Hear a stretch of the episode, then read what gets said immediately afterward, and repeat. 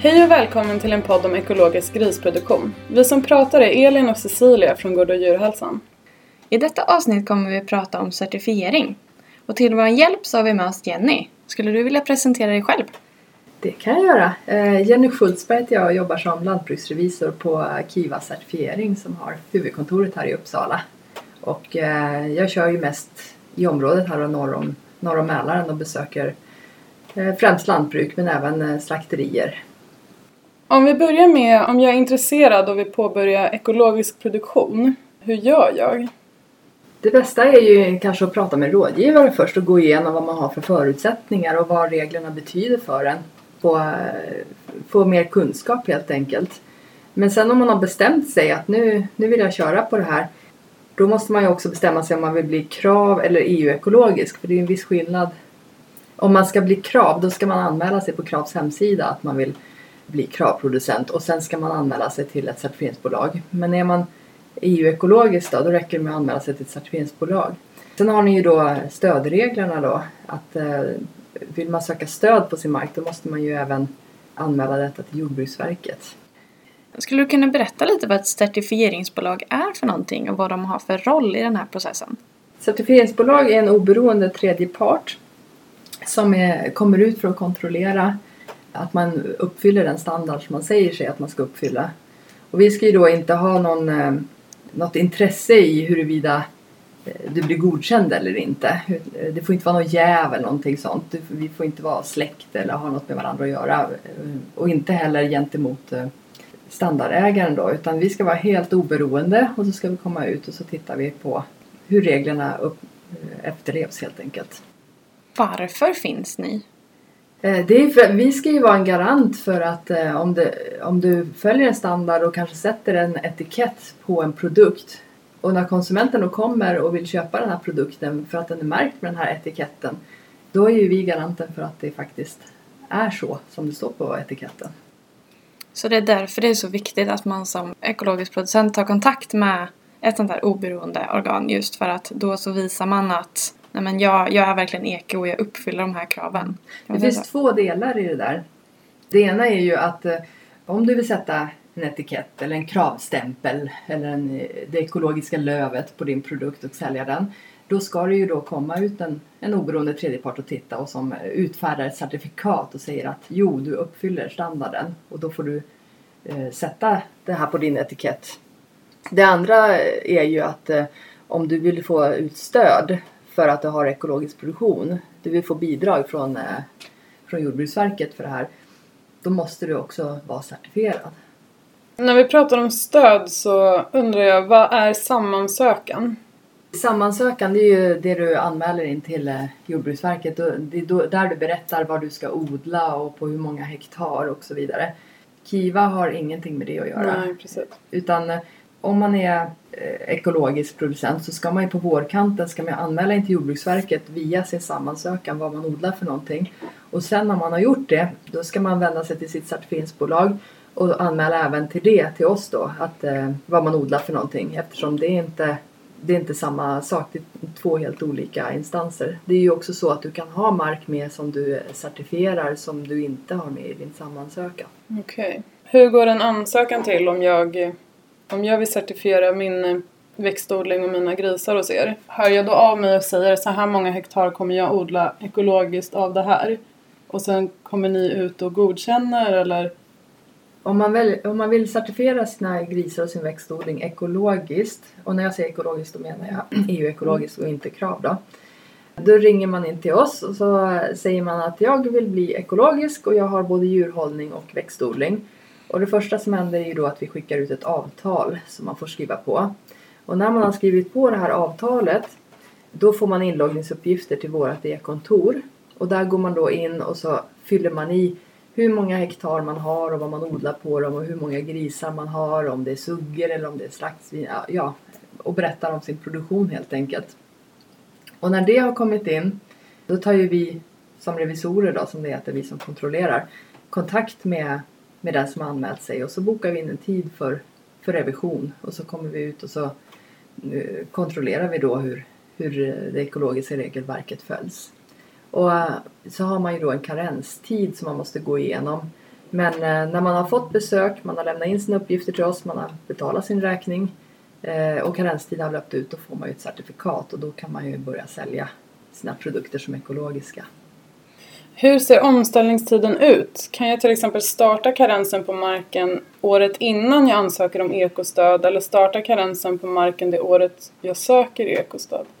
Det går att starta karensen året innan. Om du vet att du vill lägga om och att du vill söka gårdsstöd, omställningsstöd från Jordbruksverket för ekologisk produktion, säg våren 2019, då kan du ju om du vill eh, gå med och lägga till skiften i karens redan året innan på hösten.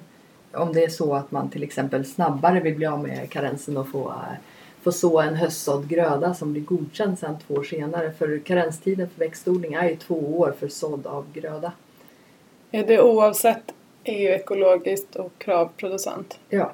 När man har gjort den sista konventionella insatsen och med det menar jag att man har sprutat eller lagt på handelsgödsel eller något sånt. Då står det ju en fritt fram att, att gå med. Varför finns begreppet karens? Eller vad uppfyller karens för, för syfte? Ja, det är ju en karenstid för att säkerställa att man så att säga inte får med någonting otillbörligt i, i produkten. Så att om det, om det ligger någonting kvar i marken från en tidigare gödsling till exempel och det är ju också så att den där karensen kan förlängas. Så om det är så att marken har varit väldigt utsatt för kemikaliska insatser, till exempel om eh, det finns de som har lagt om en gammal golfbana och de är ju ofta väldigt eh, gödslade och besprutade. Då kan det faktiskt bli så att man får en treårig karens, att man förlänger karenstiden.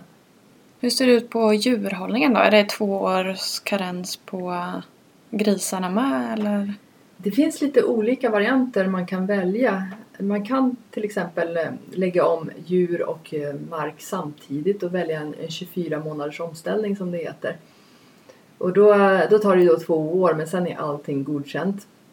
Eller så kanske man tar med eh, mjukstartar och går med med växtodlingen först ett par år så man har eller om man har fått överta kravgodkänd mark. Och då kan man ju ta med Eh, grisarna senare då. Har man då redan kravgodkänd mark så, så blir ju grisköttet godkänt på sex månader. Om man ställer om djurproduktionen då? Om du börjar dag ett och, och släpper ut grisar på bete? Eller om du bygger om så att de får gå ut på platta under vintern? Är det då ett halvår tills de är godkända? Eller vad, vad är ett halvår? Nej, eh, ett halvår från karensstarten som man har bestämt tillsammans. Okej. Okay, okay. från karensstart så måste man ju uppfylla alla regler. Om jag väljer att ställa om min konventionella gård mm. Kommer jag då kunna slakta mina suggor som jag redan har? Kommer de slaktas som konventionella eller kommer jag kunna slakta dem som eko? Du kan slakta dem som eko efter sex månader då. Fördelen, eller det som är plusset med den här 24 månaders omställningen det är ju att du då kan använda foder från din egen gård redan år ett. Nackdelen är ju då att de blir inte godkända förrän om två år. Djuren alltså. Och när du säger att man kan använda sitt eget foder år ett. Mm. Varför skulle det vara viktigt? För att eh, om du väljer att inte ha 24 månaders omställning då finns det regler på hur mycket du får ge av eh, förstaårskarensfodret. Och det är 20 procent på totalfoderstaten.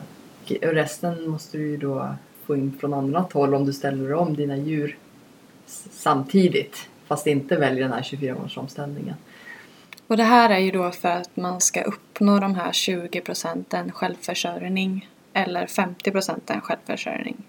Nej, de här är, det är två helt olika regler. Alltså eh, förstaårskarensen det är ju för att man, eh, man, vill, man vill inte ha några... Karenstiden är ju satt för att man eh, ska säga, få ut allting ur, ur jorden. Det ska inte finnas några rester kvar. Det är liksom en säkerhet för att det inte ska finnas några konstiga substanser eller någonting som kan komma. Och då vill man ju inte tillåta att de äter för mycket av det där fodret i alla fall första året. För det räknas ju också eh, karenstid år ett. Du skulle ju kunna gå med i karensen, säg eh, 16 juli och så har du handelsgödslat och besprutat den här åkern ända fram till 16 juli och sen så 16 augusti skördar du det och så ger du det som första årskarensfoder till dina djur och då är i praktiken är det ju ett konventionellt foder. För då så de har satt en gräns att 20% på totalfoderstaten och det ska vara vall eller baljväxter, baljväxtblandningar som du får ge. Resten ska ju då vara kravgodkänt eller från år två. Och eh, de här 20 procenten du pratar om det är ju om självförsörjningsgraden. Men då skulle du ju kunna ha det är att du måste producera 20 procent av vad, vad dina grisar äter eh, på den egna produktionsenheten. Men sen kan du ju köpa in resterande 80 procent men det ska ju vara krav eller ekologiskt godkänt då förstås. Så att det är liksom två helt skilda regler. Om jag nu är omställd till eh, kravproducent, hur går ett besök till från certifieringsbolaget? Har du varit med ett par år med växtodling och djur så får du i snitt ett besök om året. Eh, och allt som oftast så är det ju an, an, anmält besök. Så att man kontaktar ju personen i fråga innan och kommer överens om en tid för det är ju ändå en hel del dokumentation och sånt som ska gås igenom så att eh, man får tid att förbereda sig och plocka fram för det blir effektivare för alla parter. Och så kommer vi ut och så går vi igenom den här dokumentationen. Vi skickar ut ett, eh, en form av kallelsebrev innan där vi säger kom ihåg att ta fram det här och det här så att det är en liten checklista för att göra tiden effektivare också. Och så går vi igenom relevant dokumentation och sen så går vi ut och tittar på åkrar och på djuren och i stallarna. Sen kan man ju också få oanmält besök och vi har ju det att en viss procentsats ska ju göras oanmält. Och sen kan man även få extra besök så att man får två besök per år. Och då, är det, då har ju Krav då sagt som regel att 30% av kravdjurhållarna ska få ett extra besök varje år. Och det ska ju vara oanmält också. Och det sträcker sig över alla djurslagen eller är det 30% inom det djurslaget som ska ha oanmält besök? Nej, vi har ju, det sträcker sig över alla, alla kravgodkända djurslag. Vad är skillnaden när man har ett oanmält besök? Hur går det till? Ett oanmält besök, det kan gå till lite hur, hur som. Alltså man går, man, då har man ju oftast inte krav på sig att gå igenom all dokumentation och alla regler utan då kanske man har ett fokus att nu är det sommar och nu pratar vi en mjölkkobesättning. Då kanske jag åker dit och fokuserar på att eh, alla djur är ute som ska vara ute och att de har ett, ett betesintag som de ska ha. Alltså att de eh, faktiskt får en hel del av sitt foder ifrån gräs på bete. Är det vinter så kanske vi fokuserar på eh, är det rent i stallarna, är djuren rena? Eh, och då eh, då behöver man inte titta på så mycket papper så då kan man ju åka dit på ett smidigare vis och bara lantbrukarna är hemma så vi kommer få tillträde till stallar och så. Man kan ju anmäla innan att man kommer upp till 24 timmar innan då för man räknar ju med att har man nu väldigt skitiga djur så hinner man inte göra ren dem på 24 timmar ändå då. Så lantbrukarna är medvetna om att ni kommer komma? Kan vara. Ja. Vi kan också komma helt oanmält. Vad händer om man inte uppfyller några av de här kraven som som finns? Mm, då beror det lite på vad, vad det är för något man inte uppfyller. Är det någonting som går att åtgärda? Är det någonting som eh, inte går att åtgärda? Till exempel har man väl spridit ut handelsgödsel på sina åkrar då, då kan man ju inte liksom gå och plocka upp det efter sig utan då är det ju då är det så att då blir ju den, åtminstone det skiftet underkänt. Och är det så att man har gjort det medvetet om uppsåt då, då kan ju hela produktionen bli underkänd. Är det något som går att åtgärda? Det är ändå rätt mycket regler. Det kanske är så att det fattas eh, dokumentation på någonting men det går att ta fram eller upprätta eller någonting sånt. Då har man ju 28 dagar på sig att fixa till det. Annars så blir man helt enkelt av med sin, ja, sitt certifikat. Ja, det är ju den, den ultimata, eh, Eh, det ultimata straffet och det är ju att man tar certifikatet av dem. Men eh, säg att man eh, man har en, en växtodlingsjournal och den är inte ordentligt ifylld. Då kanske man får en mindre avvikelse så får man fylla i det som man har misslyckats med då. Och det ska man göra inom 28 dagar. Och då är, ja, då är det klarat och så går vi vidare. Kommer man tillbaks året därpå så inser man att det är fortfarande inte gjort. Då blir den här mindre avvikelsen då, då blir den uppgraderad till en större avvikelse. Och då då måste man dels fylla i det man inte har fyllt i och sen måste man också redogöra för hur man ska se till att det blir ifyllt framöver för så här kan vi ju inte hålla på. Kommer man då tillbaks ett tredje år och den fortfarande då inte är ifylld då kan man bli underkänd absolut. När ni åker ut i, i ärende av krav, mm. är det då så att krav hyr in er för att ni ska åka ut? Eller förstår du min fråga lite? Är det att ni har ett uppdrag från, en, från Krav att åka ut? Mm. Nej, det är lantbrukaren, som, den som vill bli kravproducent, som eh, ska anlita ett certifieringsbolag och, att no, och se till att någon kommer ut och gör den här kontrollen och utfärdar ett certifikat. Så att eh, krav står bara för reglerna. Hur kan jag samarbeta som kravproducent om jag har eh, väldigt mycket gödsel från mina grisar men inte så mycket halm till exempel? Kan jag byta det med grannen eller hur, eh, hur mycket samarbete tillåts? Man, eh, alltså man kan samarbeta upp till 100% om man skriver ett avtal med sin eh, närmsta granne som givetvis också då är ekologisk, eller krav då i det här fallet då. Då kan man skriva ett, ett samarbetsavtal och då räknas hela den gårdens areal ihop med, med min gård där jag har mina grisar. Och då, på det viset, det är ju rätt vanligt att folk gör så för att få, få till den här självförsörjningsgraden som man ska ha då. Att man skriver ett avtal med, med en granne som man samarbetar med helt enkelt. Kommer ni då kontrollera den här grannens areal också? Ja, eller det certifieringsbolag som, som den grannen har då. Så man kan ha två olika certifieringsbolag och ändå samarbeta? Ja, det är väl inget som vi egentligen rekommenderar för det blir oftast eh, stökigt och bökigt för bägge parter. Dels för oss så, eh, så tar det extra tid att reda ut att allting verkligen är som det ska.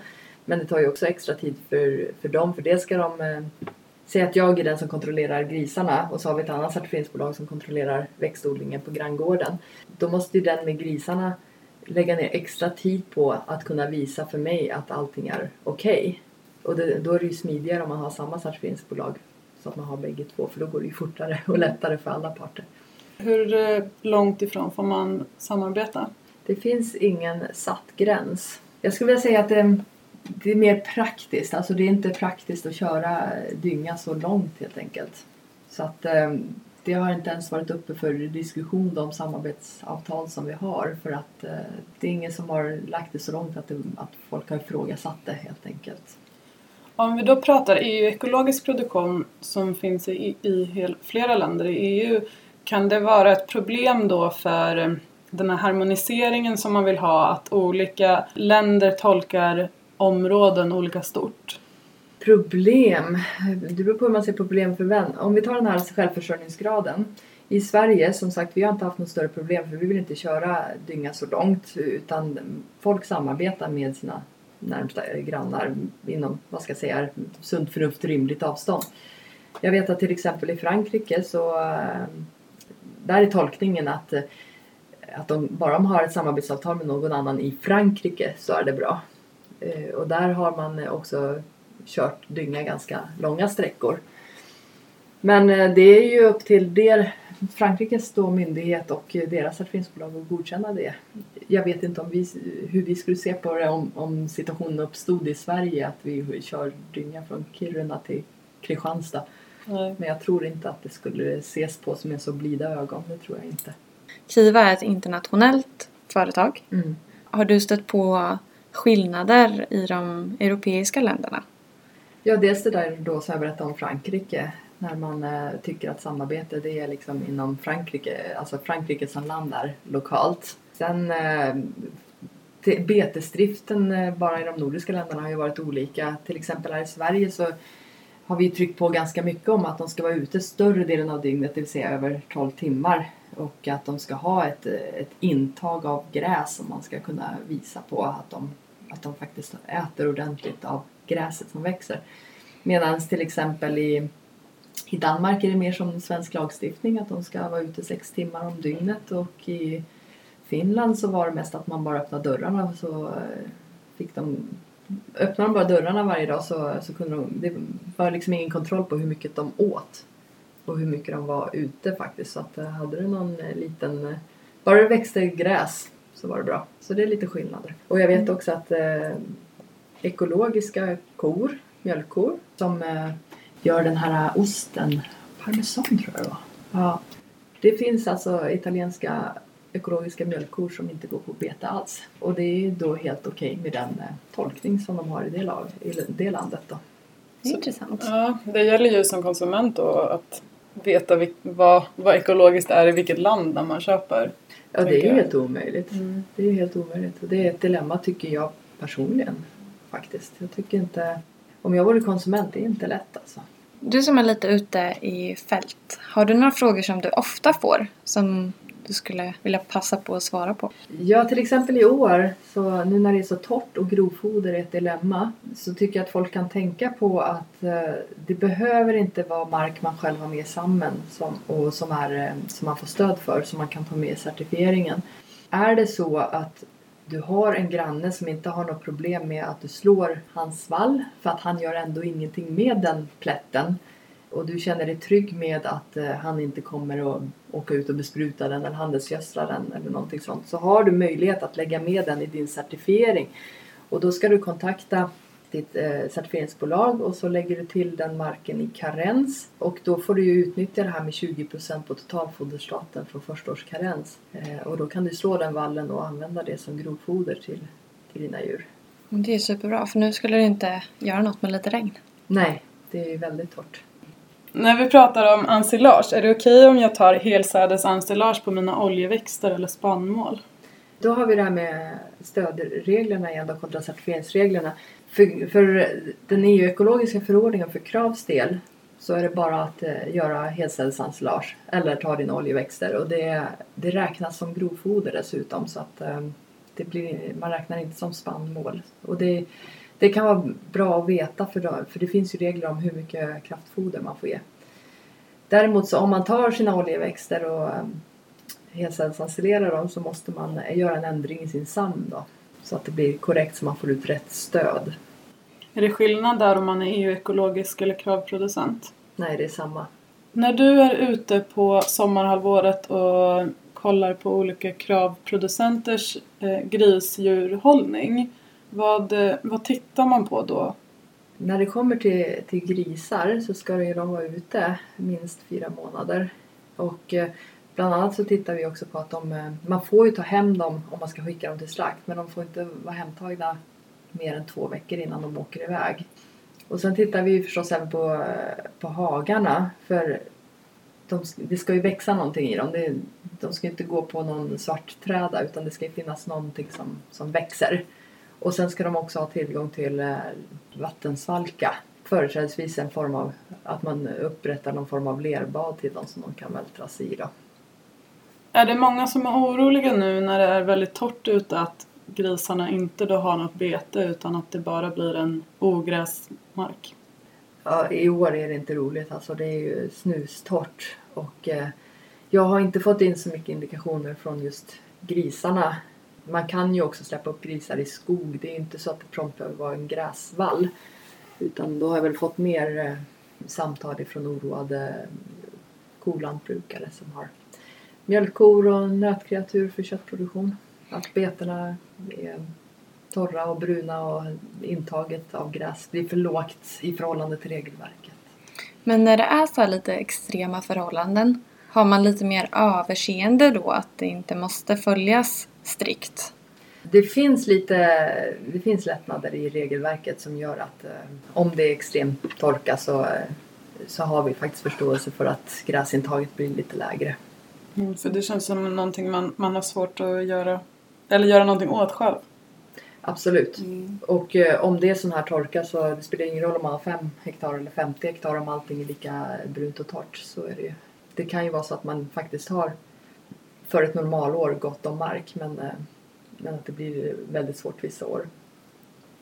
Det man måste tänka på nu är att om man inte får in tillräckligt mycket grovfoder då, utan måste köpa foder så är man kravgodkänd då, då ska man ju köpa kravgodkänt foder. Är man ekologisk då kan man köpa både ekologiskt och kravgodkänt foder. Du nämnde förut eh, under besök att ni kollar dokumentation. Om jag har en ekologiskt eller kravmärkt grisproduktion, vad är det för dokumentation ni kollar? Medicinjournaler, foder? Ja, vi tittar ju på eh, stalljournal, behandlingsjournal, veterinära besök. Vi tittar på eh, foderinköp, foderstater, att de har grovfoder. Vi tittar på slaktavräkningar. Vi tittar på djurinköp. Har ni någon kontakt med eh, djurproducenternas besättningsveterinärer när ni kollar medicinjournaler? Och... Eh, först och främst så tittar vi ju i behandlingsjournalen och ser att allting eh, ser bra ut och, och vad det är de har behandlat för. Det händer att vi tar kontakt med veterinären också men det är mer om, man, eh, om det är något problem med besättningen som måste redas ut på något vis. Och vad har då producenten gjort och vad har veterinären sagt och eh, är det någon form av eh, åtgärdsprogram som pågår för att åtgärda diarréer eller någonting. Och då, ska, då vill vi ha det skriftligt också. Så att, Från veterinären? Ja, någon form av åtgärdsprogram ifall det är ett problem som man håller på att komma till rätta med. Får man eh, avmaska sina djur inom EU-ekologiskt eller kravproduktion? Man får avmaska sina djur. Eh, Man ska kunna eh, visa på varför man avmaskar, alltså träckprov eller någonting. Och sen ska man kunna visa på hur man jobbar för att situationen inte ska uppkomma igen. Alltså med betesrotation, rengöringsstallar, hur man håller parasitsmittan nere. Om jag har grannar som inte är ekologiskt eh, certifierade utan bedriver konventionell växtodling eller djurproduktion, är det någonting jag ska tänka på när jag ställer om eller om jag är omställd? Det är ju väldigt bra med kommunikation. Man ska ju tala om för dem att man ställer om. För är det så att de är ute och sprutar sina åkrar och de åkrarna gränsar till mina åkrar så ska ju de ta extra hänsyn till, till att jag bedri- eh, eller du bedriver en ekologisk produktion. Så att det måste man ju absolut tala om för dem. Det är väl det allra viktigaste skulle jag vilja säga. Det har faktiskt hänt att vi har underkänt skiften på grund av att grannarna har på, eh, var, gått för nära helt enkelt och eh, det har kommit in, både drivit in växtskyddsmedel och handelsgödsel faktiskt. Så att vi har fått underkänna delar av den ekologiska åkern. Och då är det ju som så att vi har ju inget, som certifieringsbolag så har inte vi något avtal med grannen. Utan vi, har ju, vi kan ju bara, vi tittar ju bara på den eh, på det man, den, vi har avtal med vad den producerar och då blir det ju så att då underkänner ju vi den åkern och sen så eh, lämnar ju vi det där. Så att eh, den som kör ekologiskt får ju i så fall driva det civilrättsligt mot sin granne och det gör man ju kanske inte så gärna.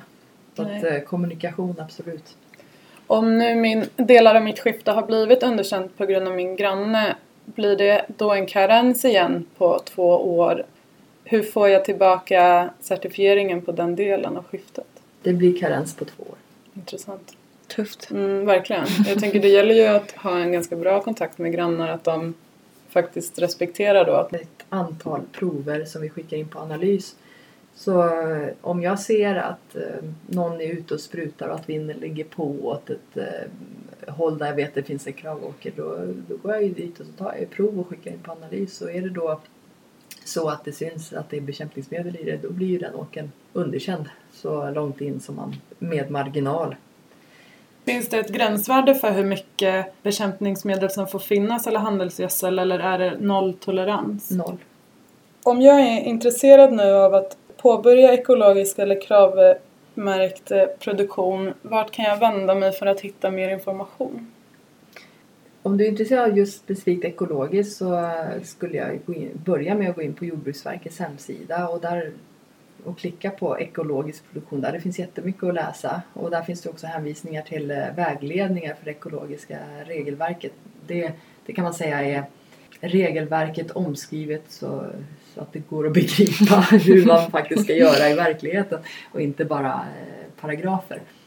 Är man intresserad av krav så har ju krav en, en bra hemsida också med mycket information. Och, bör, och börjar man bli lite mer allvarlig att man faktiskt vill ställa om sin gård så tycker jag absolut man kan vända sig till någon, någon ekologisk rådgivare. För grejen är den att vi som revisorer vi får, vi får egentligen inte fungera som rådgivare. Vi kan svara på hur reglerna ser ut och säger någon att jag vill göra på det här viset kan vi säga att jo, då uppfyller du reglerna eller nej, då uppfyller du inte reglerna. Men vi kan inte rådgiva och säga att du bör göra på det här viset. Så det är en liten eh, differens där. Okej. Så är det någon som eh, har frågor om hur certifieringen går till eller om, eh, om de kan eh, eller om de har frågor om en viss regel och att de säger det här ser ut så här, uppfyller jag då regeln? Då kan man absolut mejla till en lantbruksrevisor och fråga. Vi har en liten avslutande fråga som vi har ställt till, till alla som har ställt upp och varit med i podden. Och det är varför är det viktigt att man är medveten konsument när man är i affären, tycker du? För att man ska ge sina pengar till någonting som man tycker är bra. Tycker man att djur ska gå ute då, då bör man ju köpa kravgodkänt hellre än ekologiskt kanske och ekologiskt kanske hellre än konventionellt just när det gäller grisar. Om det är vad man brinner för. Tycker man att eh, man vill gynna det lokala då får man ju se till att läsa på ordentligt att det står att eh, ursprung Sverige. Jag tycker man ska ge sina pengar till något som man tycker är, är bra. Helt enkelt till den produktion som man vill stödja och sen eh, att man har en tanke bakom att antingen djurvälfärd eller stödja Sverige eller, eller antibiotikafritt eller vad, vad man nu brinner för. Det har varit superintressant att ha dig här. Jag har lärt mig hur mycket som helst känner jag. Ja. så vi får tacka så jättemycket för att du kom hit och ställde upp. Tack så mycket. Vi hoppas att ni fortsätter lyssna på våra andra avsnitt. Inspelning av denna podd finansieras av Europeiska jordbruksfonden för lantbruksutveckling.